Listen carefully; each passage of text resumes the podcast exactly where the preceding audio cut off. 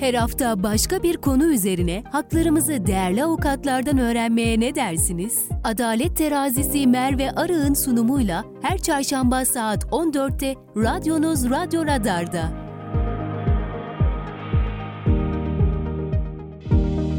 Merve Arı'nın hazırlayıp sunduğu Adalet Terazisi başlıyor.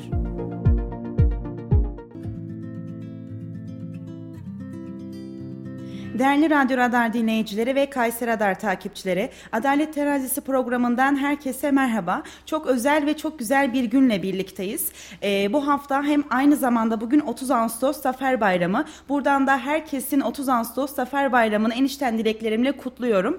Ee, Adalet Terazisi programında bu hafta hukukçu Ozan Bülbül bizimle birlikte. Hoş geldiniz. Hoş bulduk. Nasılsınız? Teşekkür ederim Merve Hanım. Sizler nasılsınız? Çok teşekkür ediyorum. Bizi kırmayıp bir kez daha programa konuk olmayı kabul ettiğiniz için ayrıca teşekkür Rica ediyorum. ederim. Ben de burada olmaktan çok mutluyum. Çok teşekkür ediyorum. Bu hafta ceza hukukunu işleyeceğiz.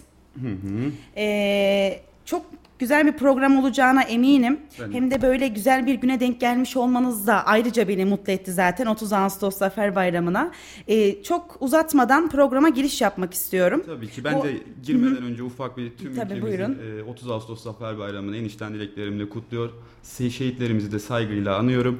Geçen seferki yayınımızda iş hukuku üzerine bir e, Evet. yayın gerçekleştirmiştik. Biraz özel hukuk alanıydı. Şimdi ise kamu alanına giren ceza hukukuyla ilgili bir yayınımız olacak. Eminim ki yine güzel sorular hazırlamışsınızdır. Bakalım hani ileride açıldıkça ediyorum. daha da güzel gelişecek. Bu arada bizi izleyen değerli siz değerli takipçilerimizin ceza hukukuyla alakalı sormak istediği, iletmek istediği sorular olursa bizlere lütfen e, sosyal medya hesaplarımızdan yazabilirsiniz. Aynı zamanda 0352 336 25 98 WhatsApp iletişim hattımız hemen alt bantta da zaten numaramız yazıyor. Reklamdan hemen sonra cevaplarınız sorularınızı cevaplandıracağız. E, sizler de bizlere sorularınızı istediğiniz her yerden yazabilirsiniz. Görüyoruz, okuyoruz ve e, hukukçumuz, değerli hukukçumuz cevaplandırıyor. Başlıyorum o zaman Tabii Ozan ki Bey. başlayabiliriz. Ceza hukukunun temel amacı nedir? Ceza hukuku her şeyden önce kamu düzenini ve güvenliğini sağlamakla ilgilenir. Yani bir kişi gerek bir kuruma, gerek bir tüzel kişiliğe, gerek bir gerçek kişiye zarar verdiğinde, yani TCK'da tanımlı olan suçun fiilini işlediğinde, icra ettiğinde o suçun bedelini ödemesini sağlayan, aynı zamanda da bunu ya bunu yaparken toplumda düzeni sağlayan, aynı zamanda da suçu işleyeni ıslah edici olma niteliğini taşıyan, topluma sosyal barışı sağlamayı amaç edinmiş olan, suç işlenmesini önlemeye çalışan kişi, kişi hak ve özgürlüklerini ve hukuk devleti kavramı dediğimiz hukuk devletimizi korumaya yarayan bir alanımızdır bizim. Ceza hukuku bu şekilde değerlendirebiliriz. Şimdi sürekli haberlerde duyuyoruz ya da bir sosyal medyada gezinirken haberlerde okuyoruz. Şüpheli ve sanık. Bu şüpheli ve sanık arasındaki fark nedir? Şimdi şöyle anlatayım size. Ee, Bir kolluk kuvvetiyle karşı karşıya kaldığınızda muhakkak e, zaten poli- polis kuvvetleri sizi eğer önleme araması gibi daha öncesinden suç ceza hakimliği tarafından verilmiş bir karar olmadan yolda yürürken sizi durdurup kimliği sorduğunda zaten sizden şüphelendiği anlamına gelmiştir. Yani mevcut hali vakti yerinizdeyken, sosyal bir gününüzde her şey yolundayken yürürken polis sizi rahatsız etmeye yetkisi yok. Ama her, kendi mesleki tecrübesinden kaynaklanarak bir şüphe edindiyse gelir ve o andan itibaren e, üzerinize suç teşkil edebilecek başka bir emmareye veya delile ulaştığı andan itibaren yakalama işlemi gerçekleştirir ve muhakkak ve muhakkak bu işlemler de yazılı olmak zorundadır. Polis yaptığı tüm işlemleri tutanağa ba- bağlar. Yani poliste ilk, mu- ilk muhatap olduğumuzda ismimiz, sıfatımız şüpheli. Yani şüpheli olabilmek için neye ihtiyacımız var? Sadece bir ufacık bir şüpheye ihtiyacımız var şüpheli olabilmek için Yani şu an birisinin bana e, bir ithamda bulunması için benim ne tabii ki yapmam sadece bir gerekiyor? iddia yöneltilmesi bana küfür etti Merve Hanım bana hakaret etti beni tehdit etti demesi sizi şüpheli kapsamına sokar yani hepimiz her an şüpheli olabilecek durumdayız şüpheli olmanın kesinlikle bir e, ağırlığı da yok yalnız e, bizim toplumumuzda çok hassas olduğu için direkt yargısız infaz yani toplum nezdinde veya medyada kişi şüpheli olarak gösterildiği zaman sizin de söylediğiniz gibi sanki e, mahkum gibi yani yargılaması yapılmış, cezaya almış, iş bitmiş de suçlu kişi oymuş gibi muamele ediliyor ve toplum tarafından da çok dışlanıyor.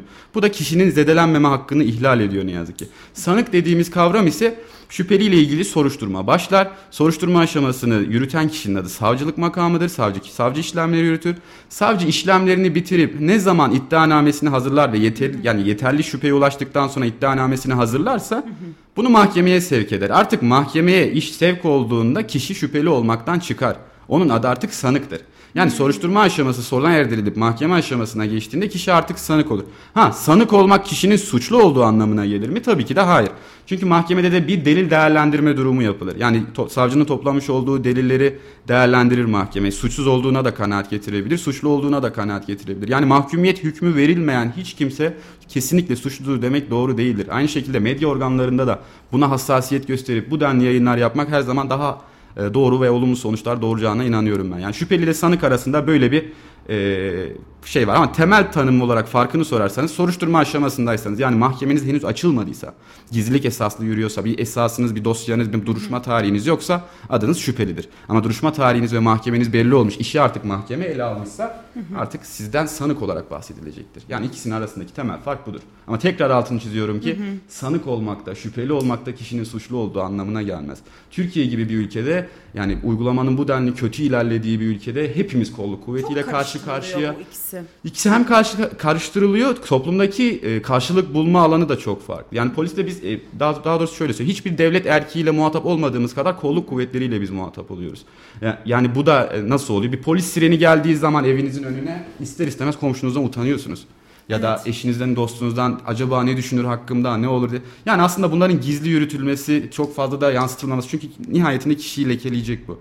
Hani çamur at izi kalsın var ya, kişi beraat bile etmiş olsa o zedelenen itibarı bir süre sonra geri gelmiyor kendisine. O yüzden hassasiyet göstermekte fayda var. İkisinin temel farkı da bahsettiğim gibi soruşturma aşaması ve kovuşturma aşaması. Evet bunu ben de çok merak ediyordum. Çünkü sürekli karıştırıyordum. Acaba şüpheli daha sonra sanığa dönebiliyor mu? Tabii ki yani Sanık şüpheliye dönebiliyor mu? Hayır, sanık sanıksa sanıktır. Yani soruşturma aşamasında sadece şüpheli kavramı geçerli. Savcı o kişinin yeterli şüpheye ulaştığını düşünüyorsa iddianamesini zaten o şekilde hazırlar. Eğer şüphelendiği kişi mesela ben söyledim Merve Hanım bana hakaret etti dedim. Savcı gerekli araştırmasını yaptı, sizin ifadenizi aldı, bana delillerimi sordu ya da kendi toplayabileceği başkaca deliller varsa topladı ve hiçbir şey bulamadı. Hani Merve Hanım'ın Ozan Bey'e küfür ettiğini, hakaret ettiğini ispat edebilecek hiçbir delil yok. O zaman pekala savcı şunu diyecek. Koşturmaya gerek yok. Yani ben bu işi araştırdım. Böyle bir suçun olmadığı kanaatine gel, ulaştım. Kovuşturmaya yer olmadığı kararını yazar ve toplum arasında buna takipsizlik kararı deniyor. Takipsiz olarak dava açılmadan şüpheli sıfatı düşer. Normal vatandaş hayatına devam eder. Ama sanık olduktan sonra tekrardan şüpheli olmak istersen bu mümkün değil. Sadece şöyle bir durum olabiliyor bazen yargılamada. Savcılarımız bazen yeterli araştırmayı yapmadığı için mahkemeler az önce de belirttiğim gibi mahkemeler aslında delil toplama yeri değildir. Ha, tabii ki eksik gördüğü bir husus olursa şu delil de getirtilsin, şuradan da bir cevap gelsin, şuraya da bir soru soralım, bilgi edinelim diyebilir. Şunu da dinleyebilim, di- dinleyelim deyip tanık da çağırabilir. Ama ne olursa olsun mahkeme delil toplama yeri değildir. Delil toplama savcılığın işidir. Savcı soruşturma aşamasında delillerini toplar, iddiasıyla beraber bir iddianame hazırlar, kişiyi itham eder. Sonrasında da hakim artık delil hani böyle bir iki tane delil bahsettim ya ufak çaplı bir şeyler topluyor. Bazı yargılamamızda biz şuna da şahit olabiliyoruz. Hakim o kadar fazla delil toplan ön- öngörüyor ki yani delil toplanmasını iddianameyi reddediyor. Savcıya diyor ki tekrardan sen bu işin adam akıllı araştırmasını yap delillerini topla o şekilde getir. Ben kovuşturma aşamasında bu kadar delil toplayamam diyor. Sadece belki istisnai olarak bu durumda sanık olarak gelmiş kişi şüpheli kısmına geri dönebilir. Onun haricinde kanunen yani normal işleyişte böyle bir mümkünat kesinlikle mümkün değil. Şimdi o kadar hızlı bir giriş yaptık ki e, hani şöyle tek bir cümleyle şüpheli ve sanık nedir diyelim ardından diğer Şüpheli sorular. ve sanık şüpheli e, kolluk ile irtibata kaldın. Yani devlet ile bir suç şüphesi üzerine bir araya geldiğiniz andan itibaren adınız artık şüphelidir. Yalnız sanık olabilmek için savcı olayla ilgili tüm delillerini toplamış olacak ve akabinde sizin bir suç işlediğinize inanmış olacak. Deliller de bunu gösterecek. Mahkemeye sevki sağlanır. Eğer duruşma tarihiniz belli olursa artık adınız sanıktır. Yani ikisinin arasındaki fark budur. Şahıs soruşturma aşamasındaysa e, şüpheli, kovuşturma aşamasındaysa sanık. Temel fark budur. Peki müdafi kime deriz? Müdafi aslında çok özel bir kavramdır. Ee, anayasamız ve Avrupa İnsan Hakları Mahkemesi, e, Avrupa İnsan Hakları Sözleşmesi kapsamında da güvence altına alınmış olan en kutsal haklardan dediğimiz ve bizim mesleğimizde ifade ederken arkasına dayandığımız hak savunma hakkıdır. Yani bizim mesleğimizin varoluş amacı da zaten budur. Kişinin savunma hakkı kutsaldır. Müdafi de müdafaa etmekten gelir. Normalde e, avukatlık mesleğini ifade edenler e, hukuk davalarında e, vekil olarak adlandırılırlar. Ama ceza davasında bir sanığın veya bir şüphelinin e, savunmasını gerçekleştirecekse yani onu bir devlet otoritesine karşı garantörü durumundaysa artık sıfatı vekil değil meslektaşlarımın kullanacağı kullanacak olduğu sıfat artık müdafi oluyor. Yani ceza yargılamasında adınız eğer sanığı savunuyorsanız müdafidir. Yalnız müşteki tarafın vekilliğini yapıyorsanız avukatıysanız Müşteki de suçtan zarar gören anlamına geliyor. Yani ma- mağdur kişinin vekilliğini yapıyorsanız yine adınız vekil olarak kalır. Bu müdafi sadece suçu işlendiğinden şüphe edilen az önce tanımını yapmış olduğum şüpheli veya sanık için geçerlidir. Yani müdafi bu durumda devreye girer sadece ceza yargılamasında söz konusudur. Müdafinin çalışması çok önemlidir çünkü devletle muhatap olan bir vatandaş e, neye uğradığını şaşırıyor. Çünkü bir karakola girdiğiniz zaman karakol personellerinin sayısı çok kalabalık. 15 kişi aynı zamanda o siren sesleri cezaevine mi gireceğim korkusu. Hatta çoğu zaman polisler seni ne için aldığını bile söyleyemeyebiliyor. Hani Acaba bekliyorsun. ben yanlış anlaşılırım da yanlış bir şekilde Evet mi evet bir evet ve gelir? çok ciddi bir mesele yani normalde vatandaş hiç hayatında hiç polisle karşılaşmamış Anneni birisi. arayamıyorsun. Evet. Yo normalde bu hak var kanunda. Normal hani bu polis memurlarımız genellikle bu hakkı tanıyor. Tabii ki kötü örnekler var. Yani şöyle anlatayım size. Türkiye zaten gerek ceza uygulaması bakımından gerek e, ceza kanunu ceza kanunu son anlamda son anlamda memnunum yani. Ben kendi açımdan çok seviyorum kanunumuzu ama uygulamada çok büyük problemler yaşıyoruz.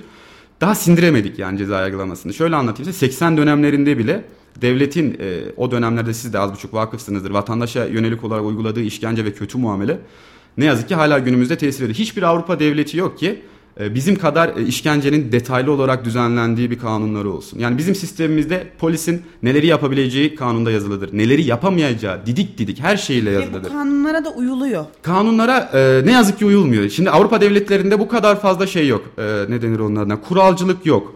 Genel bir kavram. Kanun koyulur ve onlar çevresinde herkes amacını bildiği için o amaca hizmet eder. Ama Türk toplumunda ne yazık ki siyasetin de belki içerisine girmesiyle işin yargı işleyişinin ve devlet işleyişinin içerisine girmesiyle ayrımcılıklar olabiliyor, kötü muameleler oluyor. Çok üzülerek söylüyorum ki en fazla yani en fazla da desem büyük ihtimalle abartmış oldum. Buna yönelik bir araştırmam yok ama Türkiye'de çok fazla hak ihlali gerçekleşiyor.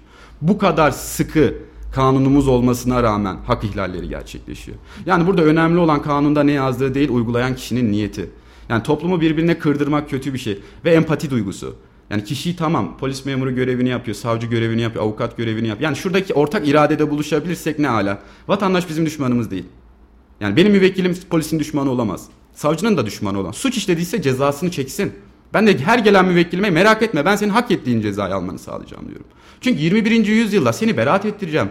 Ya da ne bileyim işte şöyle kurtulursun aman hallederiz böyle hallederiz. Yani 21. yüzyılda teknolojik imkanlar yeterince gelişti kişiyi hani boş umutlarla boş şeylere sürüklemek yerine en azından Gerçekçi devletin de yani polis de aynı şekilde görevini yapsın. Kanunda görev tanımı belli, savcı da görev tanımı belli. Hiç kimsenin kimseye bir garezi yok. Hiç kimse e, görevini ifa ederken diğerine engel olmazsa çok güzel bir şekilde ilerleyebiliriz. Çünkü kanun zaten bunu sağlamak için, bu düzeni sağlamak için kuruluyor. Birinin alanına diğeri tecavüz ettiğinde bu durum olmuyor. Yani müdafilerin Uygulamada çok büyük problemleri var. Karakolda mesela mülakat adı altında müvekkilimizle görüşmelerimin önüne geçilmesi yeri, geliyor. Biz bunu yaşıyoruz. Müvekkilimle görüşmek istediğimi söylüyorum. Avukat bey so- e, ifade almıyorum ben diyor. Ama ifade alıp almaman önemli değil. Ben müdafiyim ve oradayım. Benim müvekkilimle ayrı tutabilecek herhangi bir güç yok. Ben mülakat yapıyorum diyor. Biz ne hukuk fakültelerine ne de halen yeni gelen, güncellemelerde böyle bir kavramla hiç karşı karşıya kalmadık. Ne yazık ki polis okullarında polislerimize böyle bir kavram öğretiliyor. Biz mülakat yapıyoruz diyor. Ben bunu diyen polislere hatta şey diyorum. Ne yapacaksın? Müvekkilimi işe mi alacaksın diyor mülakat yapıyor. Mülakat değil, sorguyla aynı. Ben gelene kadar mülakat adı altında müvekkilimden alması gereken bilgileri gerek bağırarak kötü muameleyle alıyor ve benim bundan haberim olmuyor. Çünkü o şahsın Bazen baro görevlendirmesiyle de biz göreve gidiyoruz. Yani ücretsiz olarak baronun baro ücretsiz olarak vatandaşlara hizmet sağlıyor bir suçla muha- karşı karşıya kaldığında. Biz müdafi olarak karakola gittiğimizde polis e, bazen e, yani kendi karşılaştığım bir olayı anlatayım. Ben gelmeden ifadeyi almış. Avukat bey imza atın gidin diyor. E peki o vatandaş niye güvenerek avukat ta- talep ediyorum dedi? Ya ben oraya gittiğimde nasıl bir görevi ifade edeceğim? Sen ben gelmeden ifadeyi almışsın zaten. Ben oraya imza attığımda baro benim paramı yatıracak. İşte 3 kuruş böyle o da helalse yiyeceğim. Yani bundan keyif alırsam yiyeceğim. Ama o şahsın kaybettikleri ne olacak? O şahıs neye güvenecek? Onlar da mesela aman avukat bey e, sizi mi bekleyelim? Aman avukat bey işte zaten 15 kişiyi tutukladık. Sıra vardı şöyle. Ben kesinlikle öyle bir tutanağı imza atmam. Elime aldım. Aynı o tutanağı yaptığım gibi bundan sonraki tutanaklarda aynısını yaparım. Yırtıp atarım. Müvekkilimle görüşürüm. Müvekkilimle ha yırtmadı mı? Diğer meslektaşlarıma da sesleniyorum. Muhakkak elinizde kalemi tutanağın altına bir tane ihtirazi kayıt düşün. Neler yaşadığınızla ilişkin. Polis de muhakkak buna onay vermek zorunda ya da kendi tutanağınızı tutun. Çünkü bizim bu müdafilik mesleği avukatlık mesleğinden çok ayrı. Yani müdafilik kavramı çok farklı bir kavram. Yani vatandaşın gerçekten muhtaç olduğu an bu. Özel hukuk davalarında işler tamam okey uzun sürüyor. 3 sene yargılama sürüyor ama müdafi dediğin kişi karakolda o kişinin vereceği ifade o kadar önemli Sizi ki. oldukça da sinirlendiren Evet bir- evet bizim tüm Evet. meslektaş tüm meslektaşlarımızın e, yakındığı bir konu yani öyle de söyleyebilirim. Uygulamada biz çok problem. Sistem yani, yani evet. hazırda imkanı bulmuşken sistemdeydi. Hani savcılarımızla da görüşüyoruz. Meslektaşlarımızla da bu konunun üzerine. Polis kuvvetleri de aynı şekilde amirlerle de komiserlerle de görüşüyoruz. Görüşme yapılırken problem yok ama iş e, uygulamaya geldiğinde muhakkak bir e, bilinmezlik. Acaba uygulama nasıldı? Şöyle mi yapsak başıma bela almadı? Yani kanunda var. Olan vatandaşı oluyor. Yok. Yani öyle söyleyeyim. E, Türkiye gibi bir ülkede Rabbim herkesi şeyden korusun. Ceza yargılamasından korusun. Yani gerçekten fiyasko bir yargılama süreci değil, soruşturma süreci de yürütülebiliyor. Özellikle müdafinin hiç talep edilmediği durumlarda. Yani devlet memuru, polislerimiz e, özellikle genelde ben e, gene sitem olsun yaşlı polislerden biraz şikayetçiyim. Onlar mesela iş yap ben kendim olarak kendim avukat olarak gittim bir suç duyurusunda bulunmak istediğimde polis memuru iş yapmak istemediği için nasıl da başardı bilmiyorum ama konuştu konuştu konuştu konuştu avukat bey gerek yok gidelim alalım e, sorun çözülsün sulh olsun yapmak istemediği tek şey orada evrak tutmamak. Yani işten kaçmaya çalışıyor ama oysa ki hepimiz bir maaş kazanıyoruz. Hepimiz bir ekmek yiyoruz. E, o ekmeğin de hakkını vermek durumunda. Nasıl ki ben o vatandaşın e, savunma hakkının temsilcisiysem, onun tek güvencesiysem, garantörüysem ve mesleğimi ifa etmek zorundaysam polis de herkese mesleğini doğru şekilde ifa etsin. Biz kesinlikle kimseye sorun çıkartmıyoruz. Zaten bizim sorun çıkartmamız gerektirecek bir durum olmuyor. Kanuna uygun davranıldığı sürece biz hiç kimseyle bir problem yaşamıyoruz. Hı hı. Yani müdafilik çok hassas bir kavram. Yani evet. burada anlatıyorum Allah hani sizi de ceza yargılamasına tabi düşürmesin, hiç kimseyi düşürmesin. Başına gelen anlıyor. Gerçekten başına gelen anlıyor ve bazı şeyler inanın geri dönüşü olmuyor. O yüzden bir ceza yargılamasında suçsuzluğunuzda ben hep söylüyorum. Kendi akrabalarıma dahi söylüyorum. İftira dahi olsa, suçsuz bile olsanız muhakkak bir müdafi talep edin. Muhakkak. Çünkü Türkiye gibi bir ülkede başınıza gelebilecekleri inan e, ucu bucağı yok. Her şey olabilir. Her şey. Yani suçluyken bir anda suçsuz durumuna hiç beklemediğiniz bir anda gelebiliyorsunuz. Suçsuz yere yıllarca içeride yattınız. Pardon filmini mesela izlemişsin. Türkiye'nin çok güzel bir gerçek filmidir o Pardon filmi. İzlediniz mi bilmiyorum ama. Hayır. İnsanlar hani tutuklu olarak yargılayıp yıllar yıllar yargılayıp yani benim dosyalarımda da 5 sene. Sonunda da pardon mu diyor? Pardon deyip e, beraat ettiriyorlar yani. Beraat kararı yani veriyor. Peki madem bir durum işte yani. ama o adam için o içerisinde şimdi bir de tazminat ödüyorlar. Kişinin hani eğer bir mesleği yoksa asgari ücret e, oranında kaç ay yattıysa çarpılıyor bir tazminat ödeniyor. Şimdi adama sorsan benim bir günümün değerini kim biçebilir ya? Benim dünümü kim geri getirebilir? Ya da benim yıllarımı kim geri getirebilir? Bunun bir parayla bir karşılığı var mı? Ya da devlet bu şekilde en azından yaraları sarmış mı oluyor asgari ücret ödeyerek? Tabii ki de hayır. Yani bizim de hatta ceza prensibimizde şöyle bir prensibimiz var. Bir masum cezaevinde yatacağına bin tane suçlu dışarıda geçsin. Ceza prensibimiz budur. Ceza ilkelerimizin temel prensibi, temel mantığı da budur. Yani masum kişi yeter ki içeride yatmasın. Gerekirse bin tane suçlu dışarıda olsun. Hı hı. Yani onun hiçbir açıklama, idam cezası da mesela bir süre gündemimizdeydi, ülkemizde tartışılıyordu. Ben kesinlikle karşıyım. Çünkü Türkiye'de idam kararını verdikten sonra pardon deme imkanın yok artık. Yani bir ceza verdin, idam dedin. Yani canı geri getirme şansın yok. Hadi asgari ücretle onu ödedin. Ama bir şeyde hata yapsan, savcılık bir şeyi gözden kaçırsa, polis memuru bir şeyi gözden kaçırsa Nasıl o hakka gireceksin? Ya da nasıl bir şeye karar verecek? Ha tabii çok çirkin, iğrenç suçlar da delilli, ispatlı bir şekildekilere ona, onlara yorum yapmıyorum. Ama Türkiye'de böyle bir risk var. Hani bu riski bitirmeden böyle bir adım atmanın da doğru olduğunu kesinlikle ben düşünmüyorum. Yani masum kişilerin zarar görmemesi adına en azından bunu söylüyorum. Yani müdafi konusunda söyleyeceklerim o kadar. Yeterince de sitem ettiysem. Hadi tabii kimsenin de kalbini kırmak istemem ama meslektaşlarımla yoğun talebi vardı. Hani bu konulara da değin diye. Belki sesimizi duyurabiliriz en azından buradan da söylemiş olalım bizler Ben yeterince sesinizi şu an duyurduğunuzu düşünüyorum. ee, ben kısa bir reklam arası vereyim. Siz de şöyle bir soluklanın. Ee, ardından ki. takipçilerimizden gelen sorular varsa lütfen bizlere yazın. Biz zaten görüyoruz, cevaplandırıyoruz. Ardından da soruşturma evresini nasıl tanımladığımızı reklamdan hemen sonra ifade alma işleminin e, ne olduğunu ve kim tarafından yapıldığını ve takipçilerimizden gelen sorularla birlikte güzel bir yayın yaparak yayınımızı sonlandıralım istiyorum Ozan Bey. Tabii Sizler de bir su için bir soluklanın bu reklam arasında. Değerli Radyo Radar dinleyicileri ve Kayseri Radar takipçileri Adalet Terazisi programı kısa bir aranın ardından sonra yeniden sizlerle birlikte olacak. Şimdi reklamlar. Sen de hayatın dolu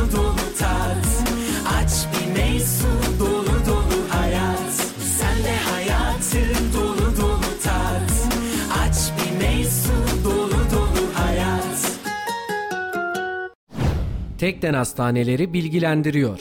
Öksürük atakları, balgam çıkarma ve nefes darlığı, göğüs ağrısı yaşıyorsanız siz de koa hastası olabilirsiniz. Vakit kaybetmeden doktorunuza başvurunuz. Tekden Hastaneleri bilgilendirdi. Bir imza düşünün. Olduğu her yere değer katan, hayat veren. Hayalleri gerçeğe dönüştürürken memleketin her karış toprağına güçlü projelerin temelini atan bir imza. İlkleri yaşatan aynı imza, şimdi sizleri yeni projelerine davet ediyor. Bu imzayı tanıyorsunuz. Çünkü 5 yıldır olduğu her yerde farkını yaşıyorsunuz. En iyisini isteyenler için değeri her geçen gün artan yaşam projeleri Grup Avenir güvencesiyle Yozgat ve Kayseri'de. Dağtekin İnşaat 12 yıllık tecrübesiyle huzuru ve mutluluğu inşa etmeye devam ederken sizlere depreme dayanıklı yapılarımızla güven veriyoruz. Erkilet bölgesinde bade konakları 4, 5, 6, Seyrani yükselen konutları, şehir hastanesi bölgesinde hastane konakları, Yavuzlar Mahallesi Dağtekin Konağı projelerimizle yüzlerce aileye yuva yapıyoruz. Erkilet bölgesinde yer alan villa projelerimiz İnciada Villaları 1, 2, 3 ile doğanın kapılarını sizlere aralıyoruz. Siz de bu projelerde yerinizi almak, Dağtekin'le yuva sahibi olmak için acele edin. Adres Sümer Mahallesi Erkilet Bulvarı numara 22 Taksim A Koca Sinan. Telefon 0352 220 çift 011 0533 652 çift 045 Her bütçeye uygun birbirinden eşsiz mobilyalar Dizze Home'da. Yılların verdiği tecrübeyle kalite ve konforu tasarlayan ekibimizle yaşam alanlarınızı Dizze Home modasıyla renklendirin. Konforundan vazgeçemeyeceğiniz ürünlerimizi görmeniz için sizleri mağazalarımıza bekliyoruz. Merkez Şube Sanayi Mahallesi 6008 Cadde numara 29 Koca Sinan 0352 336 3589 Serkent Şube Fatih Mahallesi Kadir Has Bulvarı numara 143 Melik Gazi 0352 513 3989 Reklamları dinlediniz. Merve Arı'nın hazırlayıp sunduğu Adalet Terazisi devam ediyor. Değerli Radyo Radar dinleyicileri ve Kayser Radar takipçileri, Adalet Terazisi programına kısa bir aranın ardından sonra yeniden devam ediyoruz. Bu hafta hukukçu Ozan Bülbül bizimle birlikte ceza hukukunu işliyoruz. Reklam öncesi oldukça geniş kapsamlı benim sorduğum e, kısa sorulara güzel güzel cevaplarımızı aldık. Şimdi devam ediyoruz. E, soruşturma evresini nasıl tanımlarız diye devam etmek istiyorum. Yani soruşturma evresini tanımlayabilmek için öncelikle bence soruşturma evresine hakim olan ilkelere değinmekte fayda var diye yorumluyorum ben. En başta soruşturma evresinde değinmem gereken ilke gizlilik ilkesi. Az önce de hani müdafi sorusunda değindiğim kavram var ya, müdafilerin de en büyük problemi o gizlilik ilkesi. Şimdi kanunumuz diyor ki soruşturma aşaması gizli yürütülür. Soruşturma aşamasının başındaki kişinin adı savcıdır ve savcı tüm işlemlerini gizli yürütür. Yani mahkemede olduğu gibi sizin evinize bir kağıt gelmez. Yani polis sizi arar veya ifadeniz için evinize gelir ve götürür. Ya da karakola gelmenizi rica eder ifadenize başvurmak için. Yani herhangi bir tebligat süreci gerçekleşmez. Tebligat sürecinin gerçekleşmesi yani gizliliğin bitmesi dediğimiz aşama soruşturma aşamasının sona ermesidir. Savcılık yapmış olduğu tüm işlemler gizlidir. Lakin mutlaka ve mutlaka müdafiyle yani o dosyadaki şüphelenilen şahısla e, savunmasını üstlenmiş olan müdafi o dosyaya erişim sağlayabilir, o dosyadan muhakkak örnek alabilir ve o dosyayı da aynı şekilde notlarını alabilir, üzerinde çalışabilir ve müvekkilini daha etkin savunabilmek için argümanlarını geliştir. Yani en azından müdafiye böyle bir imkan sağlanması gerekiyor ki müvekkil mesleğini ifade edebilsin. Yani müvekkilini sor, e, meslektaşın mesleğini ifade edebilip müvekkilini koruyabilsin. Yani müdafaa gerçekleştirebilsin. Yani dosyaya hakim olamadan gizliyken avukat tabii ki de görevini yerine getiremeyecektir. Yalnız e, Gizlilik kararı dediğimiz CMK 153 uyarınca e, savcı suç ceza hakiminin kararıyla özel nitelikli dosyalarda dosya için gizlilik kararı verilebiliyor. Yalnız bu da kesinlikle avukatın dosyayı incelemesine engel değil, dosyadan örnek almasına engeldir. Yani da, sa- avukat yani müdafi tekrardan gidip dosyayı inceleyebilir ama örnek alamaz. Tek farkı budur. O da sadece özel durumlarda söz konusudur. İkinci en önemli ilkemiz için yazılılık ilkesi. Yani soruşturma aşaması gizli ya paylaşılmıyor. Ama muhakkak ve muhakkak yapılan her işlem bir tutanağa bağlanmak zorundadır. Gerek bu kolluk olsun gerek savcılık bir işlem yapıyorsa yazılı bir evran bulunması şarttır. Çünkü bu gizlilik esası bitip iş kovuşturmaya yansıdığında alenilik ilkesi geçerli olduğunda artık ne işlem yapıldığını bizim şeffaf bir şekilde görebiliyor olmamız lazım. Yani hatta şöyle anlatayım size. ilk muhatap olduğunuz an, polisin sizde ilk muhatap olduğu an sizi yakalama işlemi gerçekleştirecektir büyük ihtimalle. O yakalama işlemini dahi bir tutanağa bağlamak zorundadır. Yani orada bir kağıt kalem çıkartıp işte şu sicil numaralı memurum şu saatte, şu yerde, şu haklarını hatırlatarak kendisini yakaladım diye tutanağını tutar sonrasında polis, e, devlet kontrolüne götürür ifade alacaksa ifadesini alır daha sonrasında işkence olmadığını ispat edebilmek için az önce bahsettiğim kanunumuzdaki detaylardan birisi de bu kişi kolluk kuvvetlerinde ifadesini verdikten sonra hastaneye sevk olması zorunlu girmeden ifadeye girmeden önce de zorunlu ifadeden çıktıktan sonra da zorunlu yani devletimiz e, böyle bir e, önlem öngörmüş. Yani daha önceden geçmiş kötü tecrübelerimizden dolayı 80 ve 90'lı yıllarda yaşanan kötü tecrübelerden dolayı kolu kuvvetlerine karşı biraz daha imtiyaz e, dikkatli ve hassas yaklaşmak istemiş. Yani vatandaşının oradaki şeyini işkenceye uğrama ihtimalini, kötü muameleye uğrama ihtimalinin önünü kesmeye çalışmıştır. Devletimiz kendisi kanun koyarak. Ama uygulamada e, tabii ki işkencenin 80 ve 90 yıllara yani eski dönemlerin kaldığını hiç kimse artık söyleyemez. Yani o bahsettiğim süreçte çok eskide kaldı. Yalnız bunlar bir devlet açısından tecrübedir. Yani kendi vatandaşını, kendi siyasi ortamını, kendi düzenini tanı tanıyabilmesi açısından çok büyük önem arz etmektedir. Ve bu tecrübelerle zaten kanunlar oluşur. Bu tecrübelerle de kanunlar daha yani tecrübe oluştuktan sonra kanun üretilirse daha güzel de uygulama alanı bulur. Şu anlar itibariyle işkence sorunumuzun olduğunu çok fazla düşünmüyorum. Özel nitelikli başka dosyalardan hariç. En azından normal işte hakarettir, tehdittir veya aile arasında kavga gibi basit konularda polisin hiç kimseye ben kötü muamele veya işkence yapacağına ihtimal dahi zaten vermiyorum. Az önce de hani kolluk kuvvetleri veya savcılık şeyinde e, eleştiride bulunurken kendi meslektaşlarımı da biraz eleştirmek istiyorum. Hani dedim ya herkes kanunda yazılı olan görevlerini ifa etse bir problem olmayacak. Bazı meslektaşlarımız da şöyle bir e, yanlış tutum sergiliyor. Hani ben kolluk kuvvetleriyle görüştüğüm zaman da diyor ki hani sizin meslektaşlarınıza geldiği zaman e, sanki affedersiniz olayın tarafıymış gibi işte şöyle yapacağım, böyle yapacağım emri var. Hiçbir şekilde hiçbir avukat, hiçbir e, polis memurunun amiri değil. Yani bizim de bunun da farkında olmamız lazım. Biz polise bir emir veremeyiz. Polisin amiri savcıdır. Ama biz ikimiz de aynı olayla ilgili mesela yeri geliyor polis e, bir suç aletini arıyor. Benim müvekkilimden yerini öğrenmek istiyor. Ben onunla mesela görüşme, müvekkilime görüşme yapıyorum. Onunla konuşuyorum. Diyorum ki hani yeterli deliller var. Suç iş, işlediğin zaten ispatlandı. Sen eğer adam akıllı suç aletinde teslim edip e, samimi beyanda bulunursan en azından indirimden faydalanacaksın. Daha az ceza alacaksın. Yani 21. yüzyılda delil karartma artık çok mümkün değil. Hani yine e, halk arasından çok duyuyorum işte şu kadar para versem şu delili kapatabilir miyiz bu kadar para versem. Yani Türkiye'de artık öyle bir uygulama kalmadı. Adli tıp denen bir kurum var. 21. yüzyıldayız her şey bir sisteme bağlandı. Ha, büyük siyasi şeyler haricinde söylüyorum bunu. Çok bir bilgim olmadı hiç onlara yorum yapmayacağım.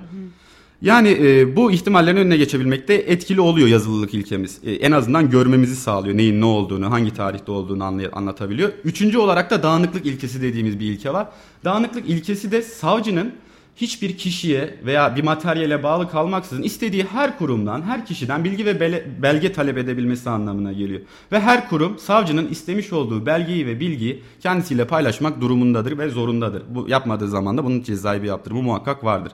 Dört olarak da, dördüncü ilke olarak da kesiklik ilkesi olarak değerlendirebilir. Soruşturma aşaması e, yani uzun sürmesine sar, yarayan e, ilke de bu zaten. Kesik ilkesi şu kavrama geliyor. Soruşturma zamana yayılarak yavaş yavaş yapılır. Yani bu anlama geliyor. Yavaş yavaş yapılması da en başta bahsettiğimiz şüpheli kavramının kişinin üzerine yapışmasına sebebiyet veriyor.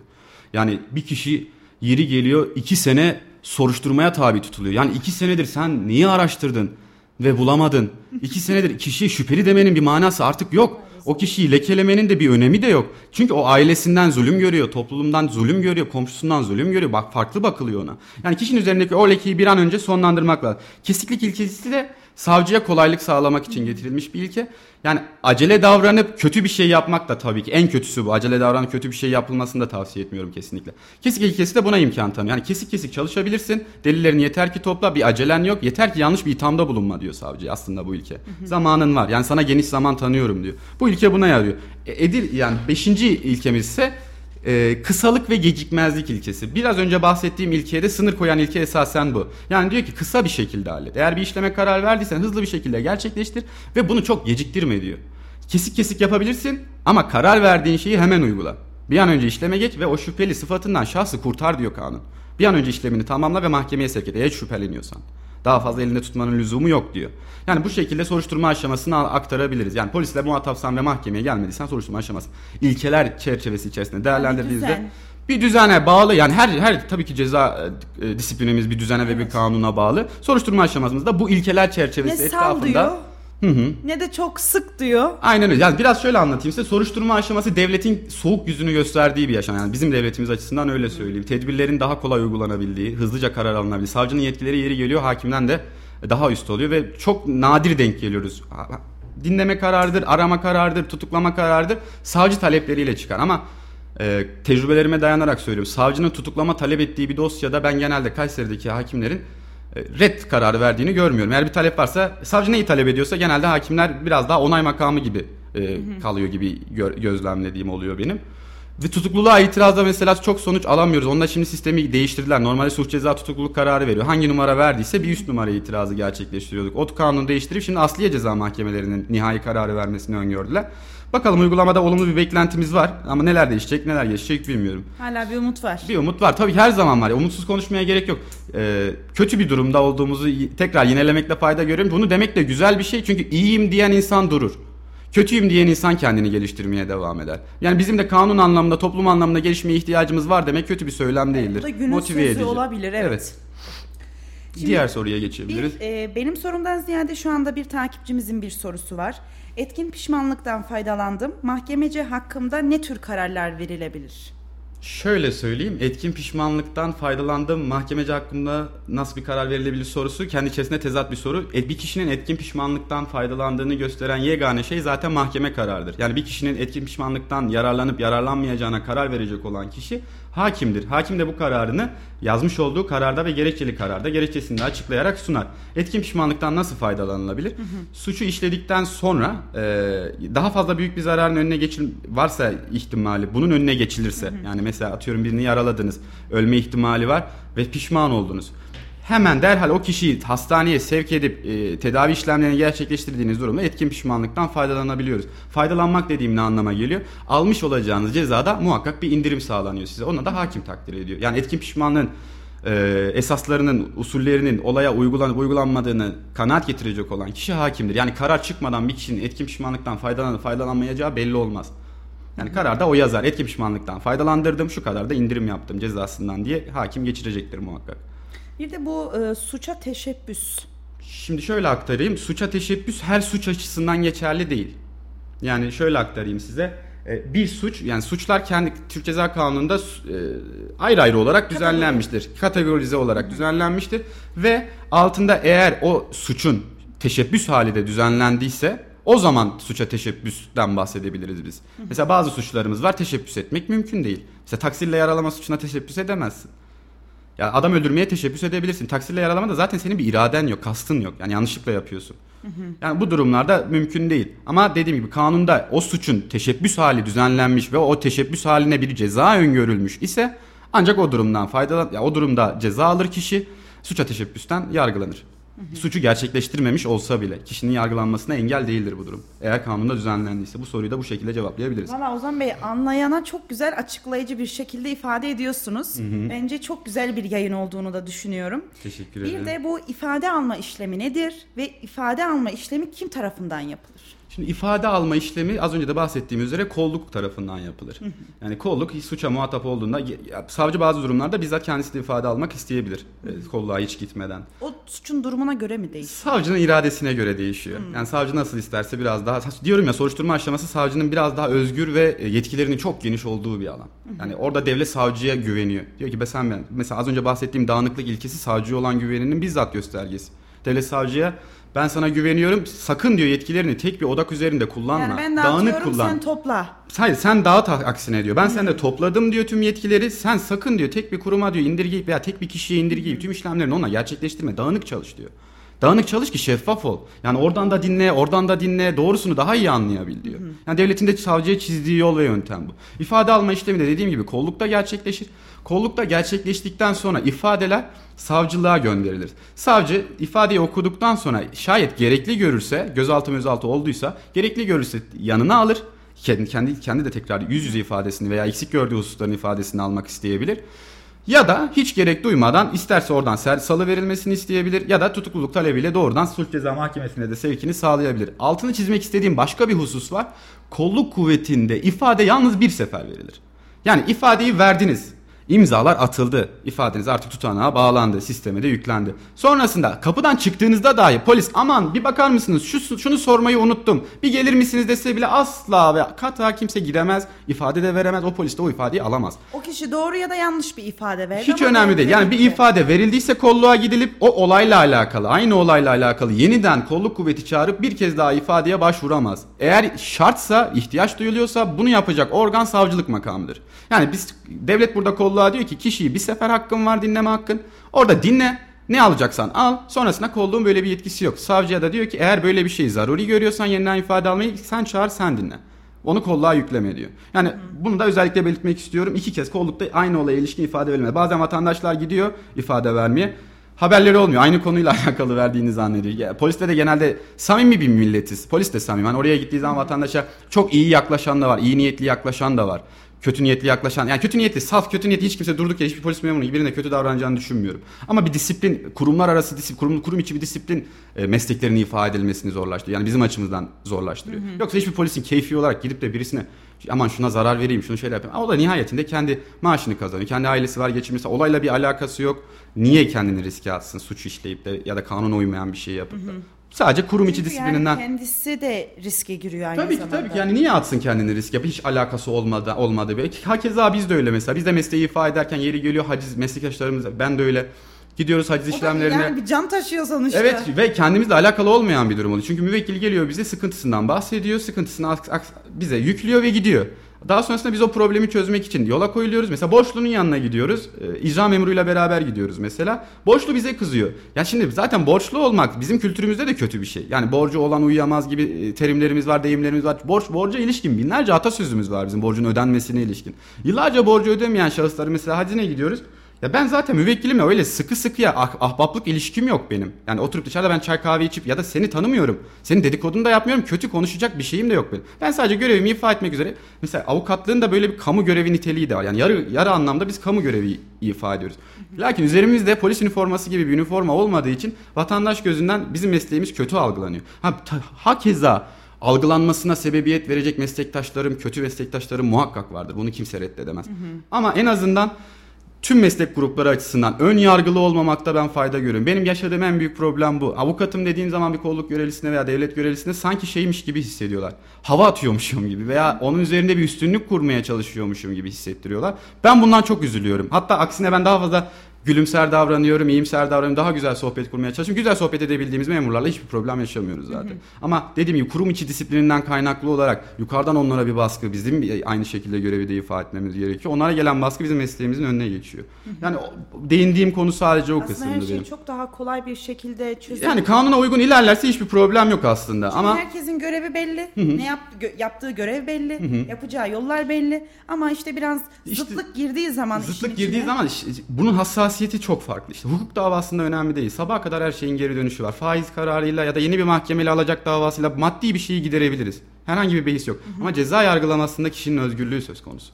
Yani bir kişiyi özgürlüğünden alıkoymak bilmiyorum. Milyarları verseniz Yani mesela reddeder. Avukat ve polisin bir olup bir olay çözeceği yere Tabii mesela az önce örneğini anlaşamazsa az önce örneğini verdiğim olayda e, ne oldu? E, diyorum yani suç aletini polis almaya çalışıyor benim müvekkilimden ama müvekkil kime güvenecek? Avukata mı güvenir yoksa devletin bizzat kendisine mi? Çünkü devlet onu suçlayacak, savcı onu suçlayacak, savcı onun cezaevine girmesini isteyecek. Onun güveneceği tek kişi müdafi. Müdafi ona derse ki suç aletini ver bu senin hayrına polisin de işine yarayacak. Yani savcı da mutlu olacak. Teşekkür edecek polise. Diyecek ki teşekkür ederim ne güzel suç delillerini toplamışsın diyecek. Ama bu çeşit iletişim kopukluklarıyla çok gereksiz zaman kayıpları yaşayabiliyoruz. Ya, hak kayıpları yaşadığımızda vicdanlarımız sızlıyor öyle söyleyeyim size. Evet. Çünkü geri dönülemeyecek bir noktaya geliyor.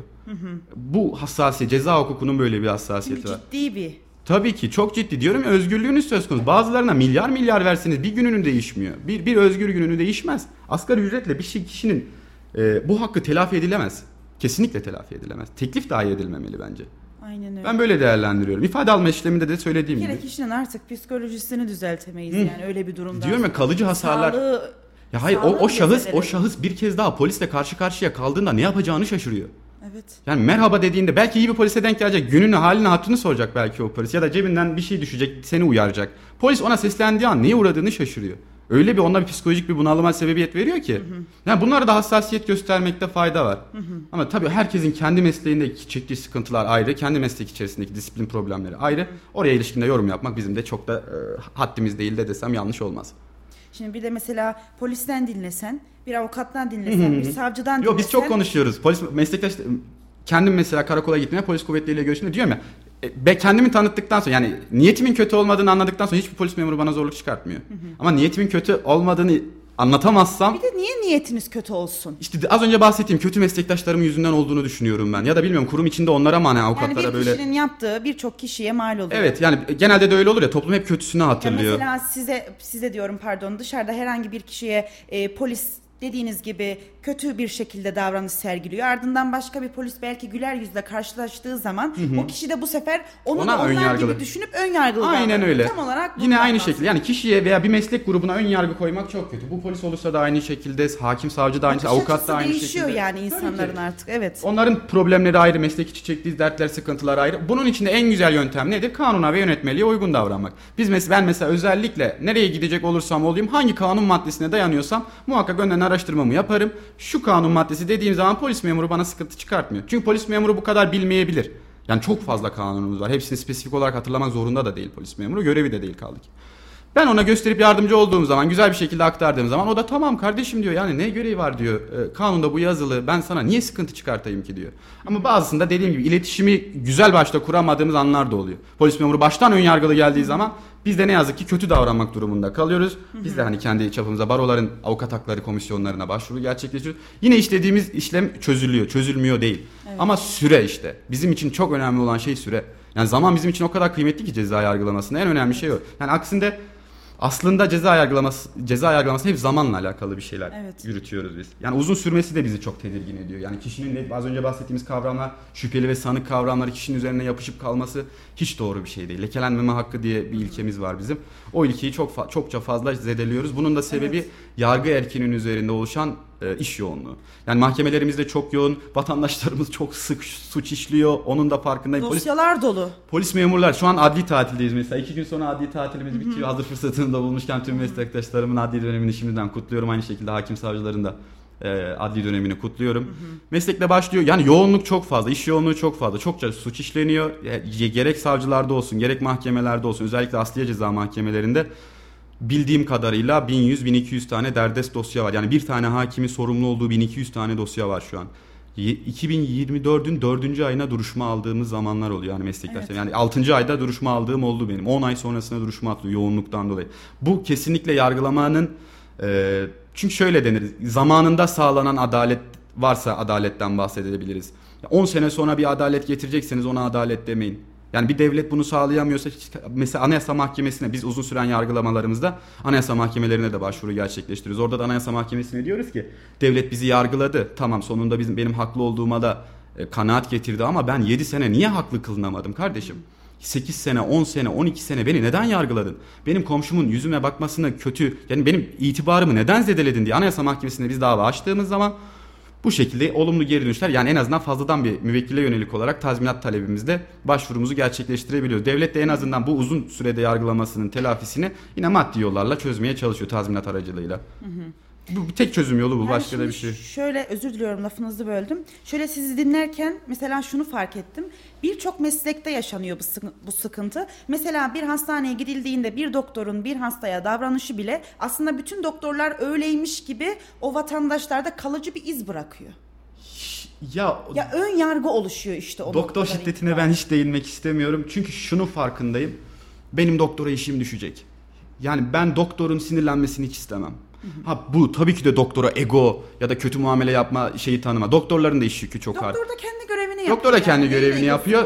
Şimdi hakim savcı mesela doktorun yaptığı kötü tavrı hakim savcı gösterse e, hakim olduğu için veya savcı olduğu veya ceza yargılamasıyla alakalı olduğu için vatandaş aynı tepkiyi göstermiyor. Ama oysa ki doktorlar da 6 sene lisans eğitimi görüyorlar. Yani gerçekten dersleri çok ağır. O mesleği ifade edebilmek için çok fazla bedel ödüyorlar. Kaldı ki bu ülke bir doktoru yetiştirebilmek için çokça fazla kaynak tüketiyor. Yani o doktora hepimizin ihtiyacı var.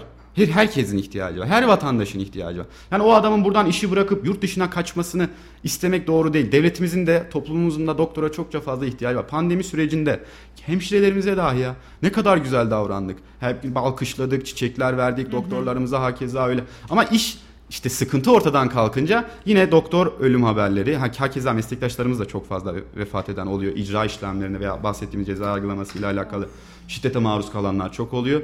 Bu hususta da devletin en azından da bir önlem alması gerekiyor esasen. Hani gerek e, doktorlar açısından gerek kendi meslektaşlarım açısından. Vatandaşın gözünde doktor sivil kıyafetli olduğu için biz biraz da kendimizi doktorlara hep benzetiriz böyle olay, bu tip olaylarda kötü bir olay yaşadığımızda. Doktorlar da hakeza sivil kıyafet giyiyorlar. Onların yine bir üniforması var beyaz önlüğü. Bizde o da yok. Biz oraya çıkıyoruz vatandaş bizi düşmanı belliyor. Ama biz düşman değiliz ki siz borcunuzu ödemediğiniz için oradayız. Biz alacaklıyı da tanımıyoruz. Geldi ve bize işlemi verdi. Doktor da öyle sıra kimdeyse geliyor işlemini yapıyor. Hani kötü bir konuşmanın şeyi yok. Ama doktor egolu bir şekilde af puf af puf, o zaman orada çalışmayacaksın. Mutlu değilsen vatandaşa hizmet vermeyeceksen vatandaşa kök söktüreceksen yeni bir meslek seç. Çünkü bu devlet ve bu millet senden hizmet bekliyor. Ama bu hizmeti beklerken de emri Şimdi kendi diken oldu ağlayacağım Ya, ben aşağı. emri vaki yapıp doktorun da e, aşağılar bir şekilde emir va- emir vererek yaparsan doktor da hakeza onu ondan imtina etmekte haklı. Hatta suç duyurusunda da bulunabilir. Bana bu şekilde davranıyor diye. Yani o- orada da ne oluyor? Gene vatandaşın işi çözülmüyor. Vatandaş oraya sağlık kontrolünü yapmaya Ya gidiyor. biraz da bazen yani herkes için demiyorum tabii ki bunu ama bazen böyle söylediğinde de takipçi yanlış anlıyor. Bazen vatandaş da sanki kendi eliyle kendi kendine yapıyormuş gibi hissediyor. Ya çünkü çıkacak sorundan hiç kimse faydalı çıkmayacak ki. Evet. Çünkü sen oraya doktoru tanımıyorsun. Doktor belki senden önceki hastaya sinir... Ha bunu yansıtması doğru değil. Senden önceki hastaya sinirlendiği için sana kötü bir muamele yapma hakkı yok doktorun. Ya biraz sen alttan al, biraz Ama aynen yani alsın. Toplumumuz aslında Yani alttan almaya çok müsait bir toplum. Ama nasıl oluyorsa bence hastanede ve adliyede tahammülsüzlük tahammül bitiyor. Ya bir de hastanelerde de o vatandaşı da şey düşünmek lazım. Allah bilir kaç kişi sıra bekledi o. Yani 30 herkes kişi mi benim bekledi? dediğim olsun. Yani karşı tarafın belki e, hani bir durumu var. Ben biraz alttan alayım. Hani güler yüz göstereyim yok. Daha da çok zıtlaşılmaya başlanıyor bu sefer. Sonuç ortada. Benim gözlemlediğim Türk toplumunda iletişimin güzel olup da çözülemeyeceği hiçbir sıkıntı yok. Evet, Tek problemimiz iletişim- iletişim. iletişimde kurulamaması sorun. Bir de ön yargı işte az önce bahsettiğim gibi hani belki o doktor gelen vatandaşa önceki problem yaşadığı bir vatandaşmış gibi yaklaşıp ön yargıyla kötü davranıyor ya da bir vatandaş 30 kişi 40 kişi sıra bekliyor strese biniyor bir de geliyor Hemen doktordan kötü bir Kavga o ona bir şey fırlatıyor ona ama bağırıyor. küfür nihayetinde insan şunu unutuyor o stresten sabah uyandığında sen neyi düşündün? Doktora gidip muayene olmayı düşündün. Ne yaşadın peki? Polislik Muayene dışı oldun. her şey. Muayene, polislik oldun, tutanak tutuldu, polisle şeyle poliste hırgür yaşadın, güvenlikle hırgür yaşadın. Sicil. Sicilin gitti, doktoru işinden ettin. Senden sonraki kişiler de artık muayene olamayacak. Onların da hakkı gitti. Belki birinin vefatına sebep Yani oldun. en azından böyle Allah korusun. hani doktorlarımızın ben çok hani kendim bireysel olarak söylüyorum. Çok fazla ben denk gel. Çünkü ben hep güler yüzle gidip her kurumda da o şekilde davranırım. Gerek mesleğimi ifade ederken de gerek sosyal hayatımda da hep güler yüzden asla ödemem. Bir bakkala dahi girdiğimde teşekkür ederim Çok güzel mutlaka. bir örneksiniz Çünkü Ozan Bey gerçekten. çok güzel ve hep de olumlu sonuç alıyorum yani. Hep bir kişiye günaydın veya iyi günler dediğim zaman o da bir gün sonra veya geri geliyor bir hafta sonra dediği de oluyor. Bazı bakkallarımız şey yapıyor cevap bile vermediği oluyor. O da bizim Türk toplumumuzun kabulü yapacak bir şey yok. Yani o şekilde değerlendir. İletişim güzel olursa her türlü problemimizin çözülebileceğine ben inanıyorum. Yani kesinlikle, genel olarak. Kesinlikle aynen öyle. Şimdi ben bir soruşturma evresini nasıl tanımlarız diye sorduğumda ilkeleriyle birlikte oldukça geniş bir şekilde cevaplandırdınız. E, peki bu soruşturma süreci içerisinde şüpheli olan kişinin hakları nelerdir ve kendisine bu haklar ne zaman açıklanmalıdır? Şimdi öncelikle ilk başta şüpheli mesela polisle karşı karşıya kaldığında polis ona bir işlem gerçekleştiriyorsa ya da gerçekleştirmeden önce neden yaptığını açıklaması lazım. Yani biz en çok bundan problem yaşıyoruz. Müvekkil bizi arıyor karakoldayım diyor. Neden diyoruz? Bilmiyorum diyor. Yani nasıl oluyor bu durum? Sen bilmeden ne oldu da bilmiyorum diyor. Polis beni aldı diyor. Getirdiler karakoldayım. Hiçbir şey söylemiyorlar. Hiçbir şey söylemiyor. Yani bunu yaşayan çokça fazla müvekkilim var. Ne ne ne ilişkin mi? Hayır tabii ki şimdi açıklayacağım. Yani kişi şüpheli ilk başta polisle muhatap olduğunda ilk önce neyle itham edildiğini öğrenmesi gerekiyor. İddianın ne olduğunu öğrenme. Hırsızlık mı yaptı, adam mı öldürdü, tecavüz suçu mu işledi ya da başka bir suça mı karıştı? Onun ona söylenmesi gerekiyor. Varsa bunun bir araştırması yani biz bu suçtan dolayı alındın, ifa birazdan ifadeni alacak. En azından bu bilgiyi vermesi gerekiyor en başında. Ne, neye ilişkin alındığına dair. Daha sonra şöyle şöyle durumlarda da bile karşı karşıya ifadesi alınıyor. İfadesi alınırken dahi konu anlatılmıyor kendine. Polis kendi bir çalışma yapıyor. Kendi soruları oluyor ondan öncesinde. O soruları soruyor sadece. Ama hala o çocuğa o, ya da o müvekkile e, kadına şeyi açıklayacak e, olayı açıklayacak en azından bir özet geçecek bir bilgilendirme yapılmıyor ne yazık ki. Kişinin ilk başta isnadı öğrenme, iddiayı öğrenme hakkı vardır şüphelinin. Daha sonrasında yakınlarına haber verilmesini isteme hakkı vardır. Mesela kişiyi aldın, ifadeye götürüyorsun. Bunun gözaltı ihtimali var. Yani savcı göz, pekala gözaltında tutun E, diyebilir. Bir gün bekleteceksin. Bir gün bekletecek karakolda uyuyabilirsiniz. Yani o durumda muhakkak e, şüphelinin belirtmiş olduğu bir yakınına polis kuvvetlerinin haber vermesine imkan tanıması gerekiyor veya kendisinin haber vermesi gerekiyor. Daha sonrasında müdafi talep etme hakkı. Az önce de biraz değindim. Barolarımız e, herhangi bir suça neye maruz kalırsanız kalın polis zaten size soruyor.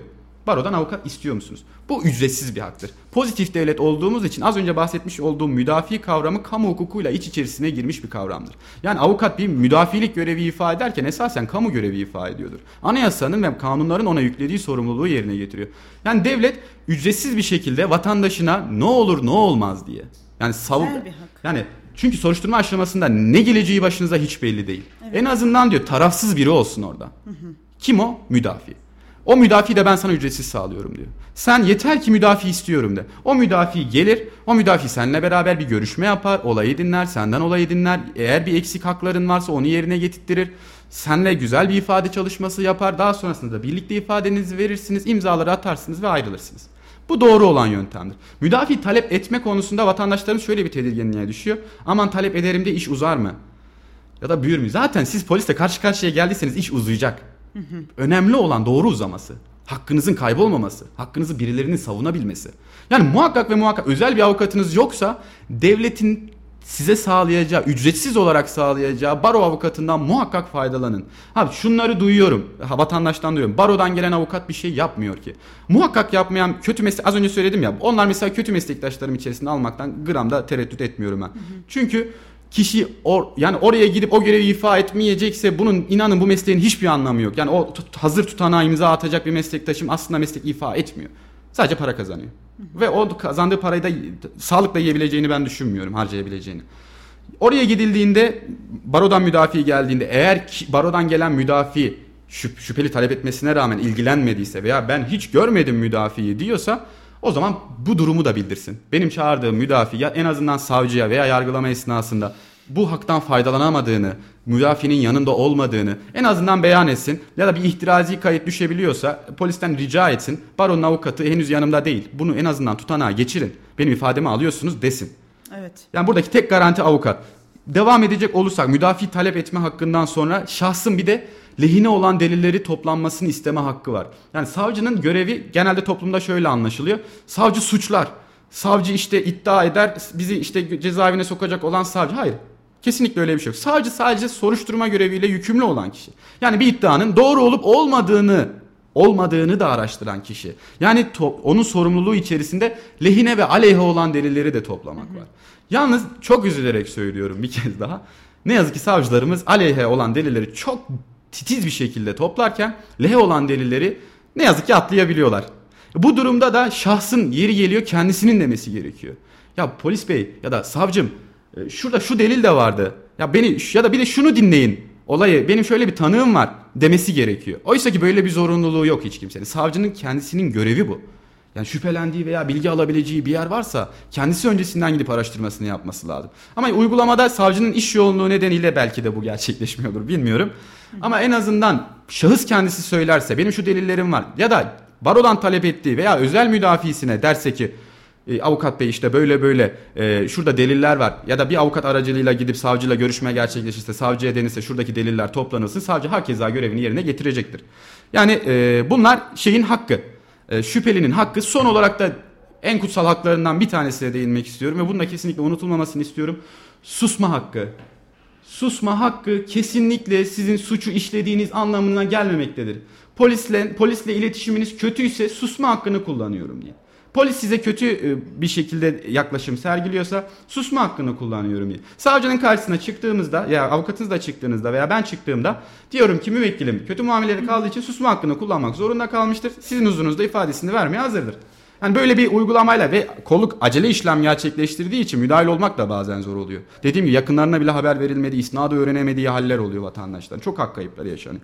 Böyle bir durumda bir de altın çizmek istediğim başka bir detay var. Polisler mesela sıralı olarak soru sorarlar. Susma hakkını bölmü, bölük pörçükte kullanabilmemiz mümkün. Yani 10 tane sorunun sadece bir tanesinde susma hakkımı kullanıyorum. 9'unu cevaplayacağım. Polis memuru size büyük ihtimalle şey diyebilir. Böyle bir şey yapamazsın ya tamamen susma hakkını kullanacaksın ya da e, anlatacaksın. Hayır öyle bir durum yok. Sadece tek bir soru için ya da 3 tanesi için, 5 tanesi için ya da sadece 2 tanesini cevaplayacağım da diyebilirsiniz. Savcı o şekilde durum intikal eder. Ya da dediğim gibi susma hakkı vatandaşta da şöyle anlaşılıyor. Polis de genelde böyle bir baskı kuruyor. Susarsan diyor savcı kesin suçlu olduğunu düşünür diyor. Hayır, susmak reddetmek anlamına gelir. Tekraren söylüyorum, susmak ceza disiplininde reddetmek anlamına gelir. Kabul etmek anlamına gelmez. Hakeza savcının huzurunda kendimizi gayet güzel bir şekilde ifade edebiliriz. Savcılık aşamasına da gerek yok. Cezayı verecek yani nihai kararı verecek olan yer mahkemelerdir. Mahkemede şeffaf ve alenilik ilkesi geçerlik olduğu için her şekilde her beyanımızı esas aldırabiliriz. Yine bir bilgi daha vermek Tabii. istiyorum. Kolluk tarafında avukatsız vermiş olduğunuz ifadede her ne olursa olsun vermiş olduğunuz ifadeyi kovuşturma aşamasında yani mahkeme aşamasında reddedebilmeniz mümkün. Yani baskı altında ifade verdim dediğiniz andan itibaren mahkeme yeni bir yani kolluk aşamasındaki ifademi reddediyorum. Yeni bir ifade vermek istiyorum. Dediğin andan itibaren mahkeme kolluk aşamasında verilen ifadeye dayanarak ceza veremez. Yani bunun özellikle altını çizmek istiyorum ve önemli belirtmek istiyorum ki yalnızsanız bu geçerli. Eğer o dosyanın alt- e, e, ifade tutanağının altında bir müdafinin imzası varsa artık ondan geri dönüş mümkün değil. Çünkü müdafi orada garantör. Yani devleti artık şey demem mümkün değil. Ben polisten zulüm gördüm demem mümkün değil. Ya bana polis kötü muamele yaptı demem mümkün değil. Çünkü o diyecek ama avukatın imzası var. Sen nasıl kötü muamele gördün? O da ona güveniyor. Ama eğer avukat imzası yoksa sadece polis ve e, şüpheli ifade alma işlemini gerçekleştirirse yargılamada bu ifade reddedilebiliyor. Yeni bir ifade verilebiliyor. Bunu da özellikle belirtmek istiyorum. Diğer sorumuza geçebiliriz. Şimdi zaten benim çok özür diliyorum. Son bir sorum kaldı. Ee, bu arada varsa takipçilerimiz sorularını lütfen bizlere iletsin.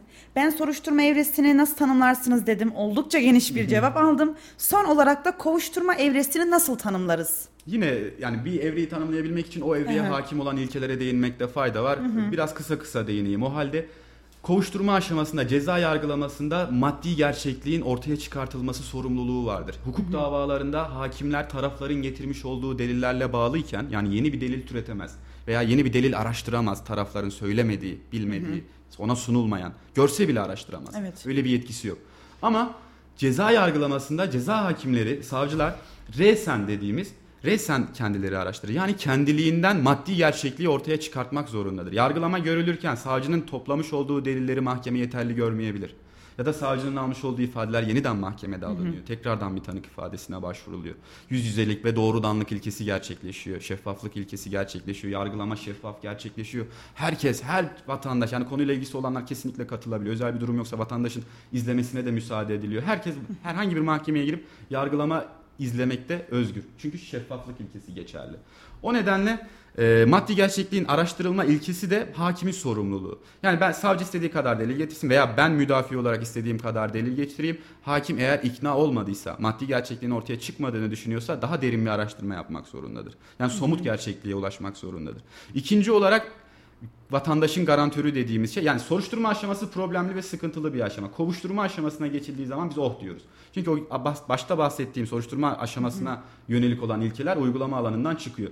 Kovuşturma aşamasında hakim konuyu aydınlatmak için gerekli gördüğü her araştırmayı kendiliğinden yapmaya ehildir. Yani bunu demekte hiçbir sakınca görmüyorum. İkinci ilkeye geçiyorum şimdi şüpheden sanık yararlanma ilkesi.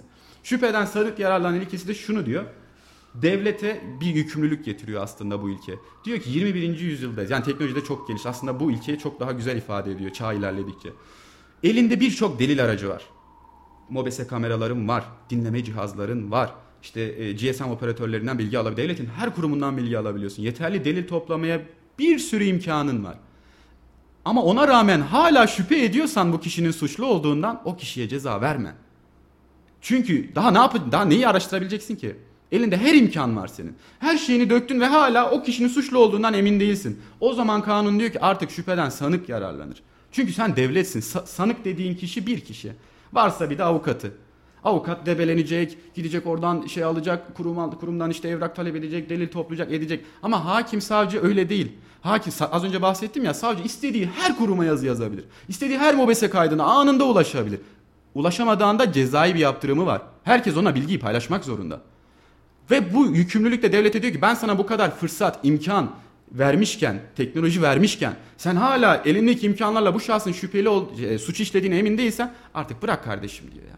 Bırak diyor ben sana bu kadar ima, imkana rağmen ispat edemediysen o şüpheden sanık yararlansın ve beraat ver diyor. O kişiye ceza hükmetme diyor. Ufacık bile şüphe varsa kişiye ceza verilmemesi gerekiyor. Ama uygulamada e, ne yazık ki kötü kararlarla karşı karşıya kaldığımız oluyor. Umut şuradan vaat ediliyor en azından. Yani ben en azından devlet açısından da şöyle bir şeyin e, yaptırıldığına da düşünmeye başladım en azından. Karşı tarafta bir suça maruz kalıyor ya. Her ne kadar tüm delilleriyle ispat edememiş olsam da biraz onların e, şeyini ateşini söndüreyim diye e, belki de hiç suçu günah olmayan insanlar içeride yatırılabiliyor. Çünkü ilk derece mahkemesinin verdiği çoğu mahkumiyet kararları ya istinaf mahkemesi tarafından ya da Yargıtay tarafından bozuluyor. Hı hı. Kişi de az önce bahsetmiş olduğum pardon filmi örneği gibi 5 sene yargılanan bir şahıs e, ilk istinaftan gelen beraat kararı, tahliye kararıyla, tut beraat kararıyla tutuksuz olarak zor özgürlük hayatına devam ediyor ve ona pardon deniyor. 5 evet. sene sonrasında. Bu uygulamada içimizi yaralayan bir konu. Hakkı 7 sene sonra ulaşabilmek, 8 sene sonra ulaşabilmek veya 3 sene sonra ulaşabilmek bir adalet değildir. Bu adillik de değil. Yani devletimizin de sosyal sorumluluk alıp kurum sayısını gerekirse evet. personel sayısını arttırarak daha güzel hizmet sağlamak zorunda olduğunu düşünüyorum ben. Hakeza ilerleyen süreçlerde de bunu yaşayacağımızı öngörüyorum. Şimdi bazen e, bazı kavramlar çok karıştırılıyor. Son olarak tutuklu ve hükümlü arasındaki farklara da değinmek istiyorum. Yani biz kimlere tutuklu, Aha. kimlere hükümlü diyoruz. Şimdi az önce anlattığım şeyler komple birleştirebileceğim bir soru aslında. Hani diğer de hem soruşturma aşamasını kapsıyor hem kovuşturma aşamasını kapsıyor. Hı hı. Şöyle söyleyeyim size. Hükümlü dediğimiz kişi soruşturma aşaması bitmiş, iddianame hazırlanmış, yargılama gerçekleşmiş, duruşmalar bitmiş ve artık karara çıkmış. Ve kişi hakkında bir mahkumiyet kararı verilmiş. Bu mahkumiyet kararı yargılamanın sona erdiğini gösterir ve yargılamanın sonucunda verilen kararı açıklar ve bu karar mahkumiyet kararı ise o kişi artık hükümlü olur. Yani artık yargılaması görülmüş, suç işlediği sabit olmuş ve bir ceza verilmiş. Hı hı. Hükümünü giyerek cezaevine gönderilmiş. Onun adı hükümlüdür. Tutuklu diye adlandırdığımız kişiler ise genellikle soruşturma aşamasında bu karar verilir. Hakeza kovuşturma aşamasında da bu kararı vermek mümkündür ama kendi mantığına biraz aykırı. Şöyle aktarayım. Tutukluluk bir tedbirdir. Yani kanunumuzda CMK'da düzenlenmiş olan ceza muhakemeleri kanunumuzda düzenlenmiş olan hı hı. E, bir tedbirimizdir. Lakin şöyle bir özel niteliği var. Kişinin en fazla hakkının ihlal edildiği tedbir de budur. Esasen hükümlülükten hiçbir farkı yok tutukluluğun. Tutuklulukta tutuklanıyorsun ve tedbiren dediğim gibi bu bir tedbir. Niye tedbir? Neye yönelik bir tedbir peki? Burada devlet diyor ki eğer kişi yargılamadan kaçma ihtimali varsa aynı şekilde delilleri karartma ihtimali varsa ya da e, suçu işlediğine yönelik elinde yeterli yani en azından tutuklama tedbirini verebilmek için yeterli bir somut delile ulaşmış isen verebilirsin diyor. Hı hı. Tutuklulukta bir tedbirdir. Yani kişinin yargılamadan kaçmasını ya da yurt dışına kaçmasına ya da başka aslında yurt dışı çıkış yasağı diye başka bir tedbirimiz de var ama tutukluluk tedbirinin çok uygulanmasını da doğru bulmuyorum. Çünkü ev hapsi diye yaptığım bir seçeneğimiz de var bizim. Ev hapsinde kişinin aslında nerede olduğu belli. Zaten cihazda da takibi gerçekleştiriliyor. Yani yargılamadan kaçması da mümkün değil aslında bir seçenek yaptırım olarak çok kolay bir şekilde uygulanabilecekken daha az hak kayıplarına sebebiyet verebilecekken ne yazık ki uygulama ülkemizde çok fazla uygulama alanı bulmuyor. Savcılarımızla da görüştüğümüzde çok olumlu geri dönüş alamıyoruz ama umut ediyorum ki ilerleyen süreçte tutukluluk tedbirinin gerçekten çok çok çok az kullanılması gerektiğini düşünüyorum. Mahkumiyet yani diyor söylüyorum ya yargılama 5 sene sürüyor 5 senenin sonunda ancak karar verilebiliyor. Evet. Suçlu veya suçsuz olmadan. Tutukluluk sen tedbir deyip direkt mahkumiyet veriyorsun aslında. Ve 3 sene 5 sene yargılarsan tutuklu yargılamaya da devam edersen 3 sene sen ona zaten mahkumiyet çektirmiş oluyorsun daha ispat etmeden. Hadi bir de yanlış olursa pardon dersen geçmiş olsun. Yani o vatandaşa hiçbir açıklama yapılamıyor. Ama ne yazık ki o vatandaş da inanın 3 sene suçsuz yatan bir vatandaş bile yeter ki kurtulayım da başka bir şey istemiyorum diye o iradeyle çıkıyor. İnşallah günün sonunda kimse kimseye pardon demez. İnşallah. Tek umudumuz o. En çok da kanayan yaramız o pardon kelimesi. Hı hı. İnşallah bundan sonra da olmaz. Ama her zaman söylüyorum ceza yargılamasında özellikle de şunun altını çiziyorum. Avukat soruşturma aşamasında size çok büyük fayda sağlar. Yani biz polisle karşı karşıya kaldığında suç işlemediğinize emin olsanız dahi bile muhakkak bir müdafi edinin. Kovuşturma aşamasında çünkü deliller artık çoğunlukla toplanmış yani savcı hı hı. işini bitirmiş oluyor. En azından müdafi dosya içerisinde e, değinebileceği başka bir imkan varsa veya müvekkilinin söyleyeceği ya da kendisinin gördüğü bir detay varsa onu savcıyla paylaştığı zaman savcı onu da getiriyor. Hı hı. Ve hazırlamış olduğu iddianamede sadece aleyhe olan değil lehe olan deliller de yer almış oluyor ve mahkemede lehe olan delilleri de görüp ona göre bir karar veriyor. Yani o yüzden soruşturma aşamasında önem gösterin. Vatandaşlar genelde şöyle yapıyor. Polise gidiyor. Sonra diyor ki ya geçenlerde diyor bir polise gittiydim diyor 8-10 ay diyor zaman geçti diyor eve diyor kağıt gelmiş diyor. Ama şimdi sen polise gittiysen gelecek o kağıt sana. Yani bunu bilme. Polis ne yapacak? O senin ifadeni aldıktan sonra yırtıp çöpe atacak hali yok ya. Evet. Yani bir işlem başlamış hakkında. Sen doğrudan müdafiinle iletişime geçip o anda hani haberdar olursan yani savcı o 8 ay boyunca soruşturma yürütürken avukat oraya dahil olup bir şeyler ekletebilirsen ne hala. Ama bunu yapamazsak sor, kovuşturma aşamasında çok büyük de problemler çekiyoruz ne yazık ki. Bunu da özellikle belirtmek istedim. Bazen bir pardon geçen zamanı, giden günleri ya da bozulan bir psikolojiyi geri getirmiyor. Ne yazık ki evet. Bir konuda en net bu kadar güzel anlatılabilirdi Ozan Bey. Teşekkür Gerçekten ederim. ben çok teşekkür ediyorum. A- ayağınıza sağlık, yüreğinize sağlık, Ben ağzınıza sağlık. ediyorum. Tekrardan programa geldiğiniz ve katılım sağladığınız için de ayrıca teşekkür ediyorum. Hem böyle güzel bir Zafer Bayramı gününde birlikte Aynen. olmak, hem sizin programı kabul etmeniz, böyle güzel değerli bir konuyu seçmeniz ve en net ayrıntısına kadar anlattığınız için de tekrardan çok teşekkür ediyorum. Bu konuyla ilgili söylemek istediğiniz bir şey var mı? Yok teşekkür ediyorum ben de. Sorular için çok teşekkür ediyorum. İzleyen herkese herkese çok teşekkür ediyorum. Tekrardan ülkemizin 30 Ağustos Zafer Bayramı'nı kutluyorum. Kutluyoruz, evet, buradan da. ediyorum. Hakeza yine yeni başlayacak olan adli sürecimizde de tüm meslektaşlarıma ve hakim savcılardan yeni adli dönemde başarılar diliyorum. Huzur diliyorum. Evet huzur en önemlisi. Sabır diliyorum ben Aynen, de yani. herkese. Şimdi sabır da dilemeyeyim hep sabredeceğimiz olaylar gelmesin başımıza. Amin. Sağlık, sıhhat diliyorum. Çok teşekkür ediyorum. Ben teşekkür ederim. Bizi dinlediğiniz için de takipçilerimize de, de teşekkür ediyorum. Değerli Radyo Radar dinleyicileri ve Kayser Radar takipçileri Adalet Terazisi programının bu hafta sonuna geldik. Hukukçu Ozan Bülbül bizimle birlikteydi. Ceza hukukunu işledik. Kendisine de çok teşekkür ediyorum. Haftaya başka bir konu ve başka bir hukukçuyla yeniden karşınızda olacağız. İyi haftalar diliyorum. Hoşçakalın. Merve Arı'nın hazırlayıp sunduğu Adalet Terazisi sona erdi.